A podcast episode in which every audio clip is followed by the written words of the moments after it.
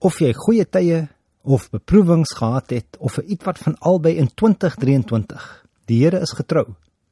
En as jy tyd spandeer om terug te kyk na die afgelope jaar van jou lewe, sal jy sien dat hy daar by jou was.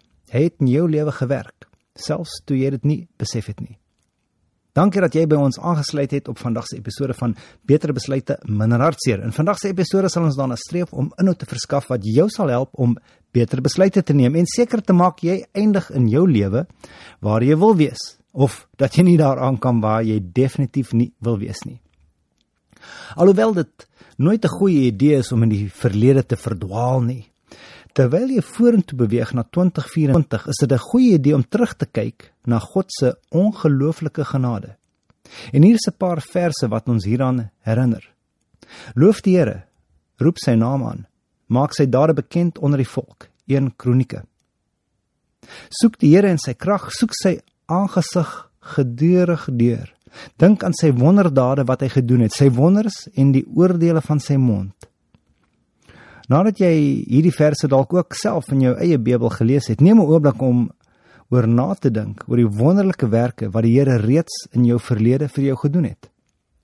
Dink aan hoe hy vloeke in seën verander het. Mediteer oor sy getroudheid aan jou in die afgelope jaar. Sê dankie vir wat die Here reeds vir jou gedoen het, sodat jy 2024 inbeweeg met dankseggings en 'n hart van lof vir wat reeds in jou lewe gedoen is. Hy was getrou.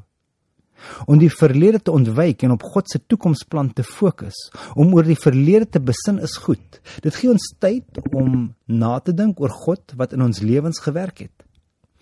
Maar daar is altyd dinge wat ons eerder in die verlede wil los, dinge wat ons dalk hinder om vorentoe te beweeg. Die skrif herinner ons op verskeie plekke dat dit belangrik is om die verlede agter te laat, op te hou om daaraan vas te hou met 'n vrymoedigheid vorentoe te beweeg in ons toekoms. In die volgende Bybelverse kan ons help om ons gedagtes daarop te fokus om die verlede in die verlede te laat, vorentoe te beweeg en te fokus op God se toekomsplanne vir ons lewens. Dink nie aan die vorige dinge nie en let nie op die dinge van ouds nie. Kyk, ek sal iets nuuts doen Nou sal dit uitsprei. Sal julle dit nie weet nie?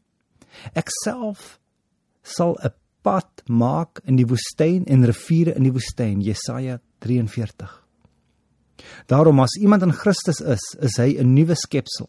Die ou dinge wat verbygegaan, kyk, alles het nuut geword. 2 Korintiërs. Die hart van 'n man bedink sy weg, maar die Here rig sy voetstappe. Spreuke 16. Verskeie van hierdie verse praat van ou dinge wat verby is en die dinge agter ons vergeet. Ons hoef nie in die verlede te leef nie. As dit 'n moeilike jaar was, kan ons dit erken. God loof vir hoe hy ons daardeur gehelp het en dan laat gaan en aanbeweeg. Vashou lei tot bitterheid. Dit kan ons lei om in die verlede te leef in plaas daarvan om in te beweeg na die goeie dinge wat God vir ons het. En dan terwyl ons los, kan ons fokus op God se plan vir ons in die komende jaar. Hy beloof om ons te seën 'n pad in die woestyn te maak, ons voetstappe te rig en dat ons hom sal vind wanneer ons met ons hele hart soek. Asseblief, moenie bekommerd wees oor 2024 nie. Jy hoef niks te vrees nie. Alhoewel ons nie weet wat 2024 sal bring nie, word ons herhaaldelik in die Bybel daaraan herinner dat ons oor niks hoef te bekommer wanneer ons ons fokus op Jesus hou nie. Die Here sal met ons wees die nuwe jaar. Hy sal ons krag gee, hy sal ons lei en wanneer ons naby hom bly en sy hand vashou, het ons niks om te vrees nie. As jy bekommerd voel oor 'n nuwe hoofstuk of jy is bekommerd oor wat in die vooruitsig is vir die nuwe jaar, hier's 'n paar verse om oor na te dink wat jou vrede sal gee. Matteus 6.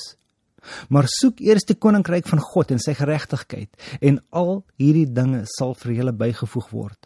Bedenk dan nie vir die môre nie, want die môre sal oor sy eie dinge nadink. Die boosheid daarvan is vir die dag genoeg. Baie dankie dat jy na vandag se program op Beter Besluite min raadseer geluister het. As jy voel daar is iemand wat daarna moet luister, stuur die skakel en deel dit asseblief. Die inhoud wat in hierdie podcast gebruik word, is gebaseer op verskeie bronne van Christelike bedieninge. My naam is Haiku. God seën jou en onthou, aanhou oorwen.